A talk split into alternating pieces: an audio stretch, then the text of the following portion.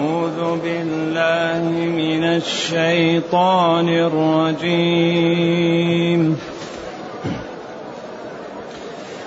من عمل صالحا من ذكر أو أنثى وهو مؤمن وهو مؤمن فلنحيينه حياة طيبة. فلنحيينه حياة طيبة ولنجزينهم أجرهم.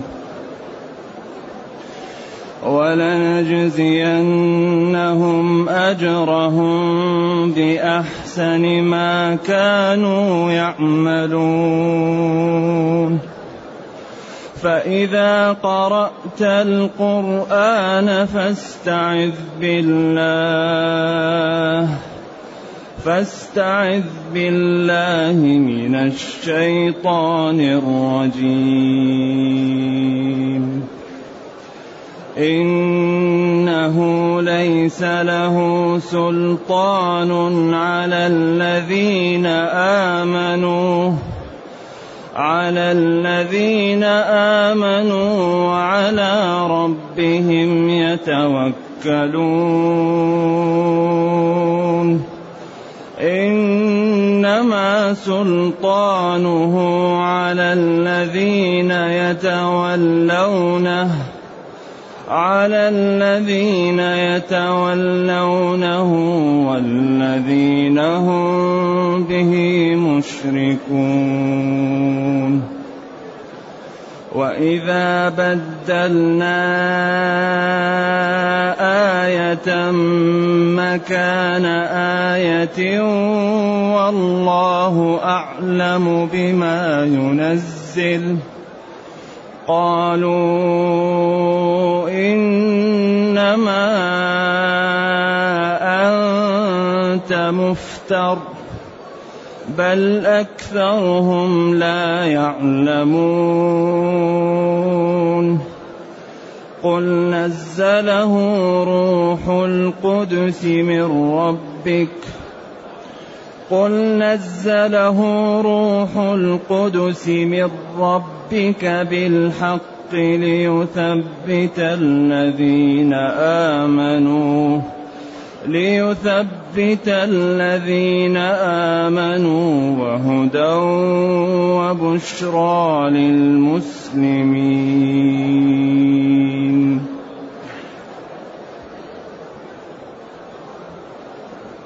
الحمد لله الذي أنزل إلينا أشمل كتاب وأرسل إلينا أفضل الرسل وجعلنا خير أمة أخرجت للناس. فله الحمد وله الشكر على هذه النعم العظيمة والآلاء الجسيمة. والصلاة والسلام على خير خلق الله وعلى آله وأصحابه ومن اهتدى بهداه. ما بعد فإن الله تعالى لما بين في هذه السورة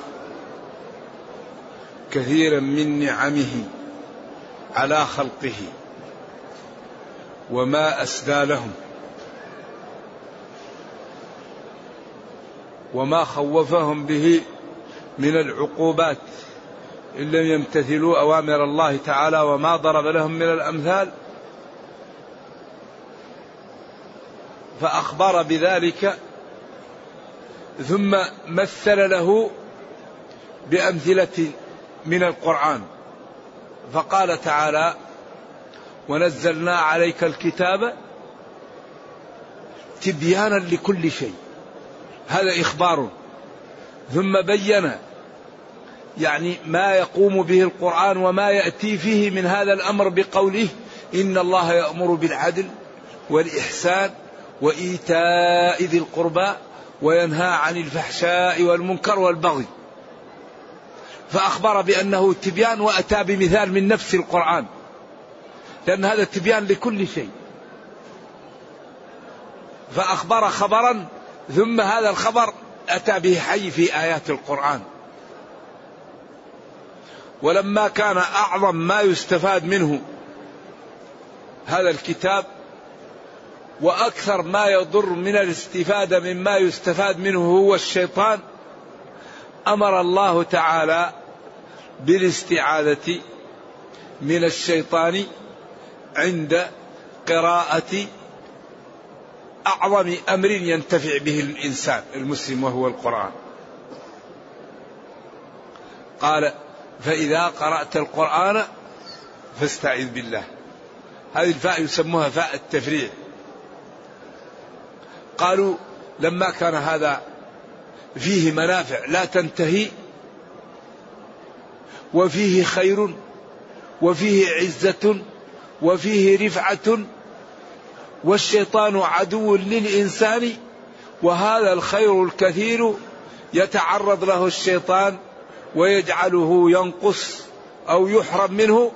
أمر عند قراءة هذا الكتاب أن يلتجئ العبد إلى الله تعالى ليعيده من الشيطان حتى تكمل الفائدة من هذا الكتاب المبارك الذي هو نور والذي هو تبيان لكل شيء والذي لا يأتيه الباطل من بين يديه ولا من خلفه. ولذلك اختلفوا. فمنهم من قال لما كان يعني القرآن فيه النفع ومن أعظم النفع أن يلتجأ إلى الله. ولما كان فيه حلال وحرام والشيطان يصدك عن الحلال ويزين لك الحرام أمر بالاستعاذة به. وهكذا. إذا قال العلماء هذا الكتاب منافعه لا تنتهي وأكثر ما يصد عن القرآن الشيطان. فأمر الله بالاستعاذة في أول قراءته وجعل الاستعاذة من الله من الشيطان في آخره فيبقى المسلم محفوظا لأنه أمر بالاستعاذة في أوله وجاءت الاستعاذة بالله من الشيطان في آخره في نفس القرآن. قل أعوذ برب الناس ملك الناس إله الناس من شر الوسواس الخناس الذي يوسوس في صدور الناس من الجنة والناس. إذا صارت الاستعاذة في نفس القرآن في آخره وأمر بالاستعاذة في أوله حتى يبقى المسلم محفوظا منتفعا بهذا الكتاب مستنيرا به يعني منهجا له في سيره في حياته. إذا قرأت بعض العلماء قالوا إذا انتهيت من القراءة فقل أعوذ بالله من الشيطان الرجيم. وهذا ظاهر الآية لكن هذا مرجوح لأن القرآن نزل بلسان عربي مبين. أي إذا قرأت أي إذا أردت قراءة القرآن. إذا قمتم إلى الصلاة إذا أردتم القيام إلى الصلاة. لولا أن أشق على أمتي لأمرتهم بالسواك ما هو عند القيام عند الصلاة في, في, في, في المسجد؟ لا. عند التهيؤ للصلاة. لأنه صلوات الله وسلامه عليه ما رؤي يستاك في المسجد. مع أمره بالسواك وحثه عليه. وعند كل وضوء. لكن لم يرى النبي صلى الله عليه وسلم يستاك داخل المسجد. ورؤي أحد الصحابة واضعا سواكه فوق أذنه. ولذلك مما يرشح هذا أنه كان إذا أتى للبيت أول ما يبدأ به السواك. ويشو صفاه ويتهوع. أما المسجد ليس محل السواك. وهل السواك تطييب أو تطهير. فإذا كان تطيب يكون باليمين وإذا كان تطهير يكون باليسار. ومن أراد أن يستاك ينبغي أن يهيئ يعني مناديل ويهيئ شيء لأنه إذا استاك قد يخرج من فمه دم أو, أو وسخ. فيستاك يخرج من المسجد ويستاك ويأتي للمسجد. كما أنه إذا أراد أن يتوضأ يخرج ويتوضأ ويأتي للمسجد. هذا الذي يظهر ولأنه لم يرى يستاك داخل المسجد صلوات الله وسلامه عليه. أي إذا أردت قراءة القرآن فاستعذ بالله. هذا أمر. قلة من العلماء قالوا للوجوب والجمهور قالوا للندب. والأمر إذا تجرد من القرائن الأصل للوجوب. والشيطان يمنعنا من نستفيد إذا نستعيذ. والطبري نقل شبه الإجماع على أن الاستعاذة غير واجبة وهذا يحتاج إلى دليل. فقالوا لأن جعل الاستعاذة واجبة هذا يكون فيه ضيق على الناس. ومن قرأ القرآن ولم يستعذ لا يقال إنه إيش؟ أثم لكن الله قال فاستعذ بالله وقال فليحذر الذين يخالفون عن أمره. وقال فإذا قرأت أردت قراءة فاستعذ بالله. ووردت صيغ أفضلها كما قال, كما قال ابن الجزري. فلا تعدوا الذي قد صح مما نقل. أيوة. وقل أعوذ إن أردت تقرأ كالنحل جهرا لجميع القراء. نعم. أعوذ بالله من الشيطان الرجيم. هذا وورد أعوذ بالله السميع العليم من الشيطان الرجيم. ووردت روايات لم تصح. والأفضل ما ورد. يقول الإنسان قال استعذ. قل أعوذ بالله من الشيطان الرجيم. أعوذ التجئ بالله المعبود بحق. الشيطان هل فعال من شط من شاطة أو شطنة هل فعال أو فعلان. هل هو من البعد عن رحمة الله أو من الاحتراق أو أو هما معا. لأن من شاط يشيط إذا احترق أو شطن إذا بعد عن رحمة الله وعن الخير. هل هو فعال أو فعلان. الرجيم فعيل بمعنى مفعول أي مرجوم ومرمي. أي ألتجئ إلى ذي منعة من الشيطان أن يصدني أو يمنعني من العمل بكتاب الله أو بفهمه. إذا إذا قرأت القرآن أردت قراءة القرآن فاطلب الحماية من الله تعالى لتستفيد من هذا الكتاب أكمل فائدة.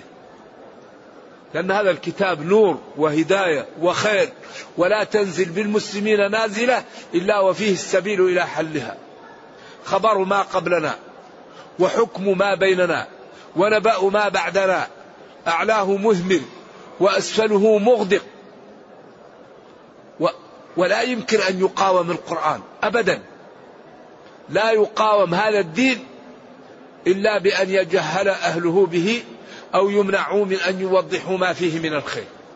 أما إذا سمح, سمح للمسلم بفهم القرآن وسمح له ببيانه لا يقاوم. الإسلام يعلو ولا يعلى عليه.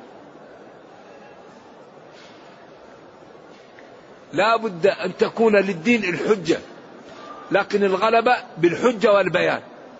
أما بالسنان فهذا يحتاج إلى أمور إذا عمله المسلمون يغلبوا وإذا لم يقوموا به لا لا يغلبوا كما قال أوفوا بعهدي أوفي بعهدكم. لكن الدين لا لا يقاوم لا بد أن يعلو. بالحجة لا يمكن الإسلام يقاوم. لا بد حجة الإسلام أقوى. لكن بالغلبة يشترط فيه أن يقوم المسلمون باللازم عند ذلك ينتصرون. فإن لم يقوموا باللازم كما قال تعالى قل هو من عندي أنفسكم. إذا قال الجمهور الاستعاذة سنة. وقال بعض العلماء الاستعاذة واجبة. وأومأ إليها الوالد في هذا المحل في, في أضواء البيان في الجزء الثالث. قال الذي يظهر أنها للوجوب وإن قال جلة من العلماء بأنها للسنة. إذا إذا أردت قراءة هذا الكتاب الذي هو خير وبركة ونور وفيه كل نفع وينهى عن كل ضرر فاطلب من الله تعالى أن يحميك من أكبر مخلوق يأذي بني آدم وهو الشيطان. فأكبر شيء ينتفع به القرآن وأكبر شيء يضر الشيطان. فأمرك الله أن تستعيذ به حتى تنتفع بهذا النور وحتى يحميك من هذا الشرير وهو الشيطان. إنه أي الشيطان ليس له سلطان قوة وحجة على الذين آمنوا وعلى ربهم يتوكلون. إن تأكيد الضمير للشيطان. إن الشيطان ليس له سلطان. السلطان القوة والبرهان. على الذين آمنوا. الذي يؤمن ويلتزم الأوامر السلطان لا لا لا لا سبيل له عليه. بل إذا أراه يهرب. المتقون يخاف منهم الشيطان. الذاكرون الله يخاف منهم الشيطان. لكن الذي يفرح به الشيطان من؟ الغافل الجاهل المنهمك في المعاصي. إنما سلطانه على الذين يعبدونه يصادقونه يطيعونه. والذين هم به أي والذين هم بالله على أصح التفاسير مشركون. أيوه. والذين هم بالله يشركون الشيطان وغيره من الأنداد وال. هذا الذي يكون للشيطان عليه سبيلا. كما قال إن كيد الشيطان كان ضعيفا. ولذلك أمرنا بأن نقول الكلام الطيب حتى لا ينزغ الشيطان بيننا. قل لعبادي يقول أي الفعلة الفعلة التي هي أحسن. يقول الكلمة الحسنة. بعدين قال إن الشيطان ينزغ بينهم. وقال إن الشيطان لكم عدو فاتخذوه عدوا. إنما يدعو حزبه ليكونوا من أصحاب السعير. وأقسم في سورة إبراهيم. وأخبر الله عنه أنه سيقول وقال الشيطان لما قضي الأمر انتهى. إن الله وعدكم وعد الحق. من يعمل مثقال ذرة خيرا يرى ومن يعمل مثقال ذرة شرا يرى. ووعدتكم فأخلفتكم. أنا كذبت عليكم. في غير هذا؟ كذبت. قلت لكم تعالوا. تعالوا للشهوات. تعالوا للملاهي. أتركوا الصلاة. أتركوا الخير. انهمكوا في في في, في ملذاتكم. دعوتكم ولكن دعوتكم استجبتم. لي ما كان لي سلطة ولا قوة. كان كل واحد ندعوه وكل واحد نلبس عليه بقدر ثقافته. كل واحد يأتيه الشيطان من الجانب الضعيف فيه لأنه يجري من الإنسان مجرى الدم. فكل واحد منا يأتيه الشيطان من الجانب الضعيف. الذي يحب المحمدة يأتيه من جهة المحمدة.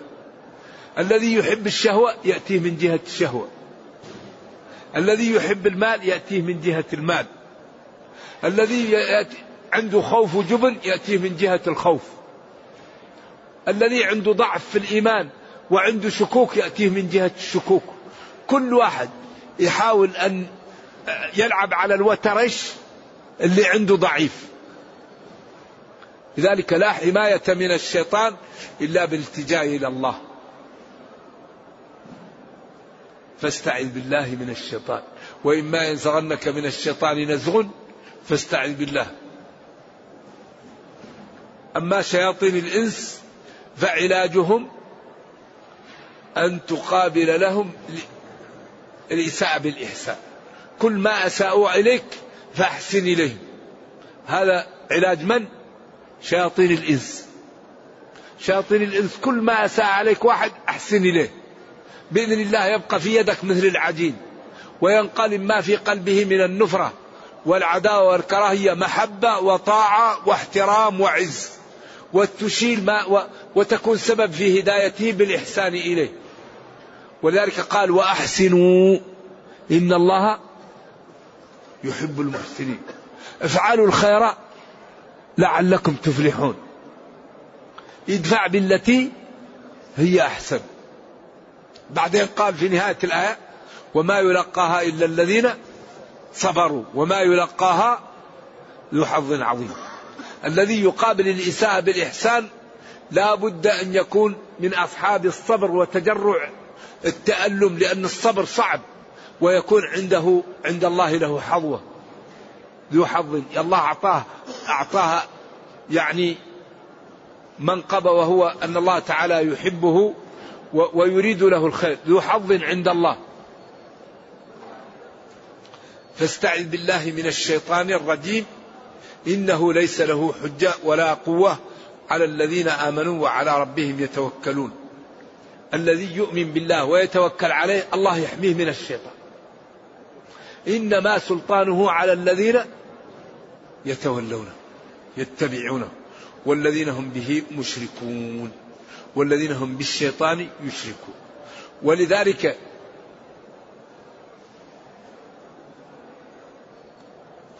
كثير من العلماء يخطئ في قضية الغرانيق.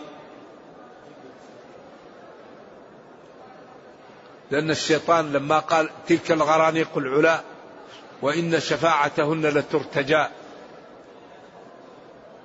وسجد وسجد المسلمون وسجد الكفار هذا الحديث هذا الجانب منه لا يصح. حديث الغرانيق. وأن آه، إلا إذا تمنى ألقى الشيطان في أمنيته. فخلق لا يعد من المفسرين قال كلام. يعني أقل ما يقال فيه أنه يخالف ظاهر النص. والحافظ بن حجر لكثرة طرق الحديث قال إنه حسن لغيره. وقد قال الوالد رحمة الله عليه في الأضواء أن الحديث لا يصح سندا ولا متنا. وقد ألف فيه الشيخ ناصر الدين رحمة الله على الجميع رسالة وسماها نصب المجانيق في نسف حديث الغرانيق. وقال إنه لا يصح سندا ولا متنا. ولذلك إلا إذا تمنى تلا ألقى الشيطان في أمنيته في تلاوته على أصح آه، التفاسير فينسخ الله ما يلقي الشيطان. وذكر الوالد في هذا قول لم أره لغيره وقال أنه هو الذي تدل عليه الآية وأنه إلا إذا تمنى تلا ألقى الشيطان في تلاوته في آذان السامعين. ما به يمنعهم من أن يفهموا هذا الكتاب ويعملوا به حيث يوسوس عليهم ويشغلهم أن يتأملوا هذا الكلام ويستفيدوا منه. وقال هذا الذي تدل عليه النصوص لأن الله قال إن عبادي ليس لك عليهم سلطان فإذا كان إذا تلا النبي صلى الله عليه وسلم يجعل في تلاوته ما ليس منها أي سلطان أقوى من هذا؟ وهو أن يجعل في تلاوته ما ليس منها. وربنا قال إن عبادي ليس لك عليهم سلطان فلا يستطيع الشيطان أن يجعل في تلاوة النبي صلى الله عليه وسلم ما ليس منها لأنه محفوظ وتلاوته محفوظة. وإنما الذي يتسلط عليه الشيطان آذان السامعين فيوسوس لهم ويمنعهم من أن يفهموا ما يقرأ عليهم. ثم بعد ذلك يزيل الله ما أوقع الشيطان في آذانهم من عدم فهم هذه الآيات أو عدم تدبرها ثم ينسخ الله ما يلقي الشيطان ثم يحكم الله آياته. والله عليم حكيم. على ما في الأسلوب من من بعض الغموض لكن هذا أقرب الأقوال. ومن أراد الاستزادة فليرجع إلى الجزء آخر الجزء الخامس في سورة الحج من أضواء البيان. عند هذه الآية فإنه بحث نفيس. وكلام مفيد. نرجو الله جل وعلا أن يبصرنا بالحق. إذا يقول تعالى وعلى ربهم يتوكلون إذا الشيطان من استقام وتوكل على الله الله يحميه. إنما السلطان يتسلط على أوليائه. الذين يكفرون به ويطيعونه ويتركون طاعة الله.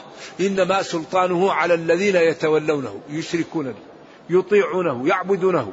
والذين هم به أي والذين هم بالله تعالى يشركون الشيطان وأتباعه. ثم قال جل وعلا وإذا بدلنا آية مكان آية. والله أعلم بما ينزل قالوا إنما أنت مفتر بل أكثرهم لا يعقلون. قلنا بل أكثرهم بل أكثرهم لا يعلمون. قل نزله روح القدس من ربك بالحق ليثبت الذين آمنوا وهدى وبشرى للمسلمين. هذه الآية عند الكفار واليهود أهل الكتاب مشكلة لأن هذه الآية تدل على النسخ. والنسخ هذا باب من أبواب الشريعة لا ينبغي لطالب العلم أن يتكلم في التفسير ولا في السنة إلا بعد أن يفهم هذا الباب باب الناسخ والمنسوخ. لأن كثير من الآيات يكون منسوخ أو مخصص أو مقيد. وكثير من الأحاديث يكون منسوخ أو مخصص أو مقيد. والنسخ والتقييد قبل تأليف الشافعي للرسالة يقال له النسخ عند بعض السلف. واليهود يروا أن النسخ بدا على الله. أي بدا له ما لم يكن ظهر له أول حيث رفع حكما شرعه. وهذا عندهم لا يجوز على الله. لأن النسخ عندهم يلزم عليه البداء على الله. وهو أن يكون بدا وظهر له شيء لم يكن إيش؟ ظهر له من قبل. وهذا ضلال مبين لأن النسخ بالنسبة لنا رفع حكم. وبالنسبة لله انتهاء مدة العمل بهذا الحكم. لأن الله تعالى لما شرع هذا الحكم شرعه لمدة سنة أو سنتين أو ثلاث سنين ثم بعد ذلك لعلمه وإحاطته علم أن هذا الحكم بعد هذا الزمن لا يصلح لخلقه فلذلك رفعه ولذلك لما أرادوا أن يعرفوا النسخ قالوا رفع لحكم أو بيان الزمن. أي رفع لحكم أو بيان انتهاء مدة الزمن بمحكم الكتاب أو بالسنن. فلذلك النسخ لا يدل على البداء والذي آه، يعني قال من العلماء المسلمين إنه لا يجوز يرجع الخلاف إلى اللفظ أنه يكون تخصيصا في الزمن كأبو مسلم الأص... أبي مسلم الأصفهاني وغيره. والنسخ واقع. قال تعالى وإذا بدلنا آية مكان آية. كما قال ما ننسخ من آية أو ننسها نأتي بخير منها أو منها. وتعريفه هو الرفع والإزالة. وشرعا رفع الحكم المتقدم بخطاب متراخ عنه. لا يكون النسخ إلا بالخطاب. لا يكون بالإجماع ولا بالمفهوم. لا بد النسخ يكون بالخطاب. رفع الحكم المتقدم بخطاب متراخ عنه. فلذلك يخرج التقييد والتخصيص والبيان. أما والنسخ رفع إبطال حكم. أما التخصيص هو إخراج بعض بعض بعض العموم والتقييد هو تقليل الإطلاق بتقليل الأوصاف. والنسخ ثلاثة أقسام. ولذلك القرآن من حيث النسخ وعدمه منقسم إلى أربعة أقسام. قسمة واقعة وعقلية. قرآن باقي الحكم والتلاوة. كقوله تعالى قل للمؤمنين يغضوا من أبصارهم. هذه الآية باقية الحكم والتلاوة. بعض منسوخ الحكم والتلاوة. كعشر رضعات معلومات يحرمنا كان فيما أنزل على رسول الله صلى الله عليه وسلم عشر رضعات معلومات يحرمنا هذه منسوخة الحكم والتلاوة. باقي التلاوة ومنسوخ الحكم كقوله تعالى والذين يتوفون منكم ويرون أزواجا وصية لأزواجهم متاعا إلى الحول غير إخراج. هذه منسوخة التلاوة باقية منسوخة التلاوة منسوخة الحكم باقية التلاوة. تتلى ويتعبد بألفاظها لكن رفع حكمها. وكذلك قوله الآن خفف الله عنكم وعلم أن فيكم ضعفاء فإن تكن منكم مئة صابرة يغلبوا مئتين. نسخت إن يكن منكم مئة يغلبوا ألفا. وكقوله أشفقتم أن تقدموا بين يدي نجواكم صدقات فإن لم تفعلوا وتاب الله عليكم. فرفع الوجوب تقديم الصدقة عند السؤال ورفعه إلى الند بالندب منسوخ التلاوة باقي الحكم. الشيخ والشيخة إذا زنيا فارجموهما البتة نكالا من الله والله عزيز حكيم. هذه الآية لا يتعبد بألفاظها لكن أحكامها باقية والعمل بها واجب. قد يقول البعض وبعض الشيوخ الذين درسنا عليه كان ينكر. كالشيخ مصطفى الله له كتاب في النص كان ينكر أنه ينسخ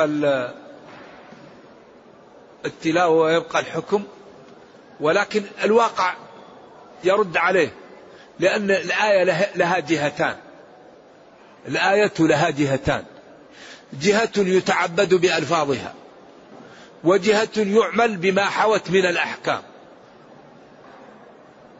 فالآيات القرآنية لها جهتان. جهة التعبد بألفاظها. وجهة وجوب وجوب الأحكام التي حوتها هذه الألفاظ وهذه الدلالات. فقد يبقى اللفظ والحكم معا. وقد يرفعان معا. وقد يرفع أحدهما ويبقى الآخر. إذا الذي أشكل على بعض الناس أنه ما ظن أن جهة الآية منفكة. جهة هذا العبادة تلاوة, تلاوة الآيات معجزة وعبادة ألفاظها لكن الأحكام رفعت. وأحيانا يرفع اللفظ و و وأنه يتعبد به ويبقى الحكم واجب. وهذا واقع. نعم. النسخ هل يكون إلى بدل أو بغير بدل؟ هذا قد يكون خلاف لفظي. لأن بعض العلماء قال ينسخ ببدل وقد يأتي النسخ من غير بدل وهذا مشكلته أن الله قال نأتي وإذا بدلنا آية آه، ما ننسخ من آية أو ننسها نأتي بخير منها أو مثلها. نأتي بخير بها ب... نأتي نأتي بخير منها أو مثلها. إذا كيف يقول من غير بدل وهو قال نأتي بخير منها أو مثلها. قالوا الخلاف لفظي. لأنها إذا رفعت لا يخلو من أن يكون الأمر كان واجب يكون إيش؟ يكون مندوب. أو كان مندوب يكون مباح. أو كان مباح يكون واجب.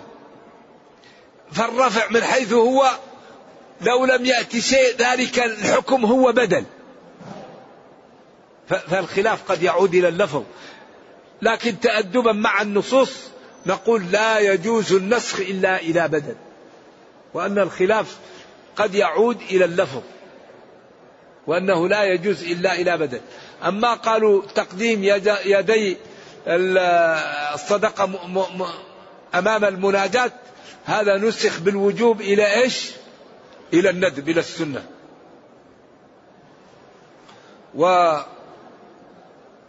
وكذلك هل ينسخ القرآن بالسنة أو تنسخ السنة بالقرآن؟ وهل ينسخ المتواتر بالآحاد؟ هذه أقوال وخلافات بين العلماء.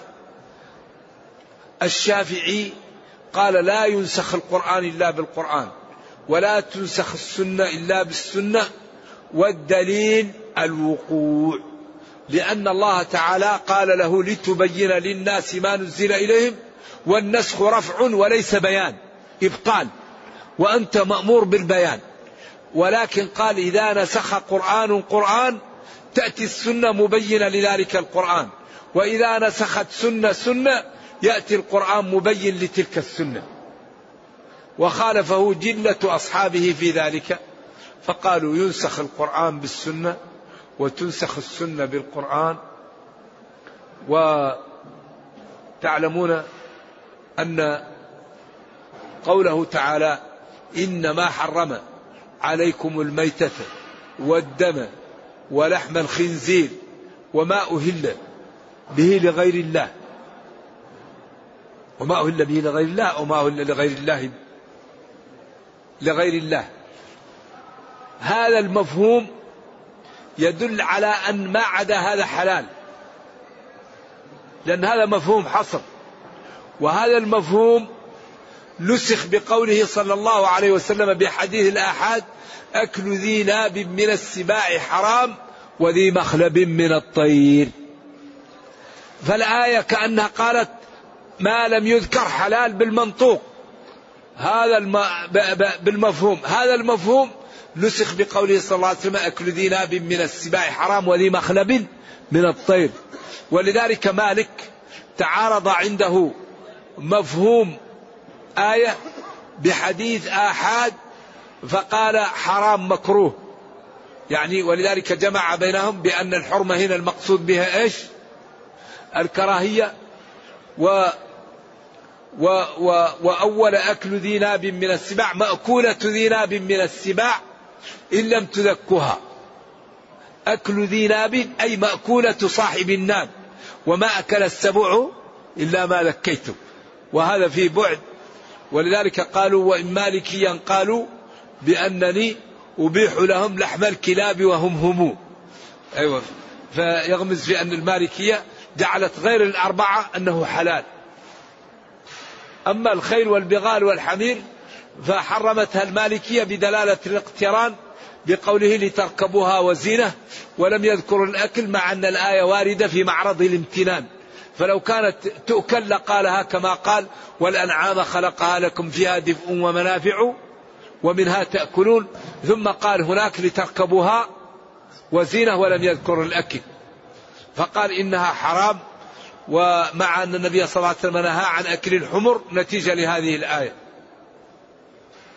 إذا والتحقيق أن المتواتر ينسخ بالآحاد لأنه لا تعارض بينهما لأن النسخ هو رفع الحكم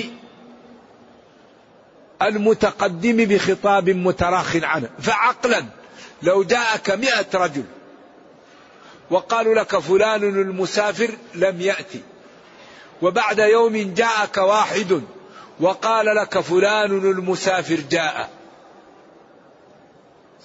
فالأول نسخوا هذا الأخير وهما اشتركا في الصحة. أما القوة أن هذا أقوى من هذا لا تعارض بينهم لأن هذا بعد هذا. إذا التحقيق وإن خالفه جلة العلماء أنه لا مانع من نسخ المتواتر بالآحاد لأن النسخ هو رفع الحكم المتقدم بالخطاب المتراخي عنه. ولو كان هذا أقوى واشتركا في القوة وهذا بعده ما المانع من أن ينسخه. ولذلك وكذلك أحاديث الآحاد وأنه يعني يختلف فيما تعم به البلوى لا يؤخذ به بالأحاديث الآحاد ولا بد فيه من الشهرة أو التواتر هذا أمر غير صحيح.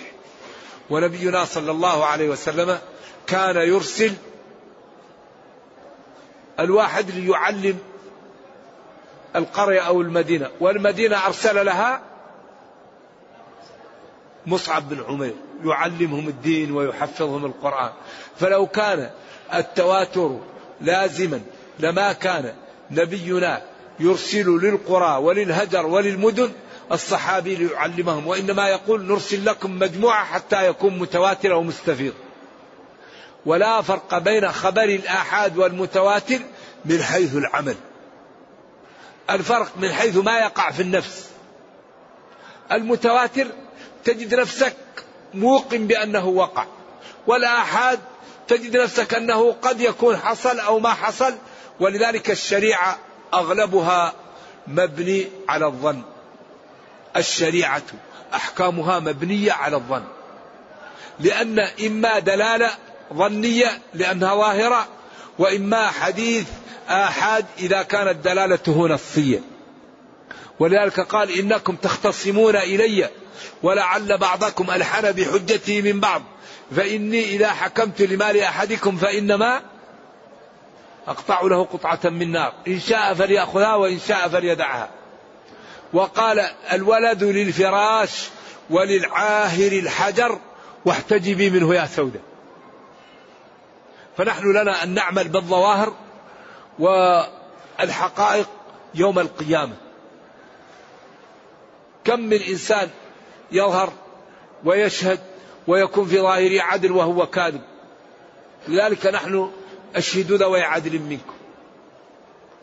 جاء اثنين وعدلوا تقبل الشهادة. جاء واحد عدل تقبل روايته.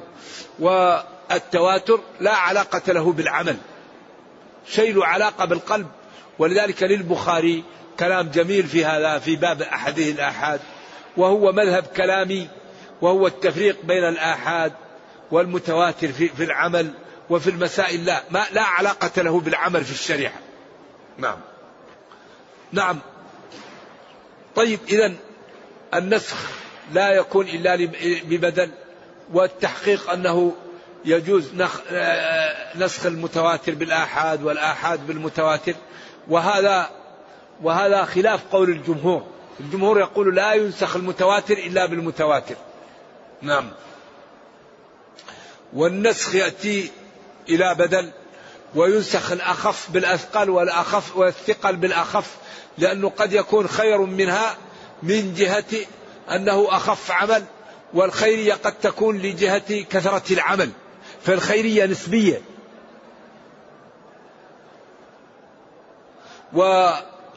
ولذلك وقع للمشركين ولليهود لبس وفتنة عظيمة بنسخ النصوص.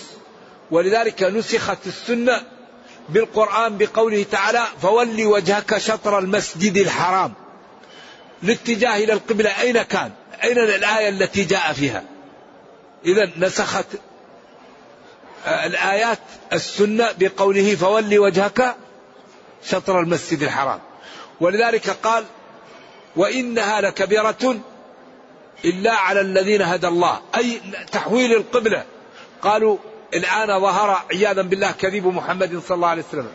إما أن يكون ما كان عليه أول هو الصحيح فيكون كان مخطئا. أو يكون ما كان عليه أخيرا صحيح فيكون الأول مخطئ. إذا هذه مشكلة عندهم. وما دروا أن الله تعالى شرع هذا الحكم لمدة من الزمن ثم رفعه وأنه عندما شرعه عالم بأنه سيرفعه جل وعلا. ولذلك قالوا أو بيان الزمن.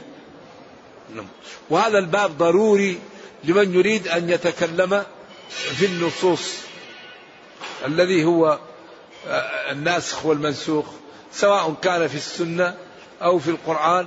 وفيه كتب مهمة ومن أنفس من تكلم فيه. أبي عبيدة. أيوة القاسم السلام المتوفى بعد المئتين والعشرين. ما هو صاحب الأموال هذا المتقدم. له كتاب في الناسخ والمنسوخ مفيد. وكذلك لابن الجوزي ولمك بن أبي طالب. والكلام في النصوص من غير أن أن يتعلم طالب العلم هذا الباب خطير جدا. لا بد من معرفة الناسخ والمنسوخ. نعم. والله أعلم بما ينزل. قالوا إنما أنت مفتر. هذا رد عليهم. وفي الناسخ والمنسوخ في السنة كتاب الحازمي ويسمى الاعتبار. الاعتبار في ناسخ الحديث ومنسوخه. وهو مطبوع طبعات عديدة وهو كتاب قيم أيضا. نعم. ومن أقوى من يتكلم في الناسخ والمنسوخ من المفسرين ابن جرير الطبري رحمة الله عليه. والناس في هذا بين إفراط وتفريط بعض ينفي النسخ وبعض يجعل الآيات المنسوخة بالمئات. والذي يظهر أن الآيات المنسوخة لا تزيد على أقل من العشرة أو عشرة بالكثير. أما الباقي فكله تخصيص وتقييد. نعم. والله أعلم بما ينزل. هذا رد عليهم في اعتراضهم على النسخ. بل أكثرهم لا يعلمون. لا علم لهم بمصالحهم ولا بشمول علم الله وإحاطته. قل نزله روح القدس. من ربك بالحق ليثبت الذين آمنوا وهدى وبشرى للمسلمين. قل لهم يا نبي نزله هذا القرآن روح القدس جبريل من ربك مصاحبا ومتلبسا بالحق ليثبت الذين آمنوا بهذا الكتاب وهدى ويهديهم ويبشرهم بالجنة وبالدرجات العلا. وهم المسلمون وفي الأسلوب غمز وإزراء وعيب للذين لم يؤمنوا أنه ليس هدى لهم ولا بشرى. نرجو الله جل وعلا أن يرينا الحق حقا ويرزقنا اتباعه وأن يرينا الباطل باطلا ويرزقنا اجتنابه وأن لا يجعل الأمر ملتبسا علينا فنضل. سبحان ربك رب العزة عما يصفون وسلام على المرسلين والحمد لله رب العالمين. والسلام عليكم ورحمة الله وبركاته.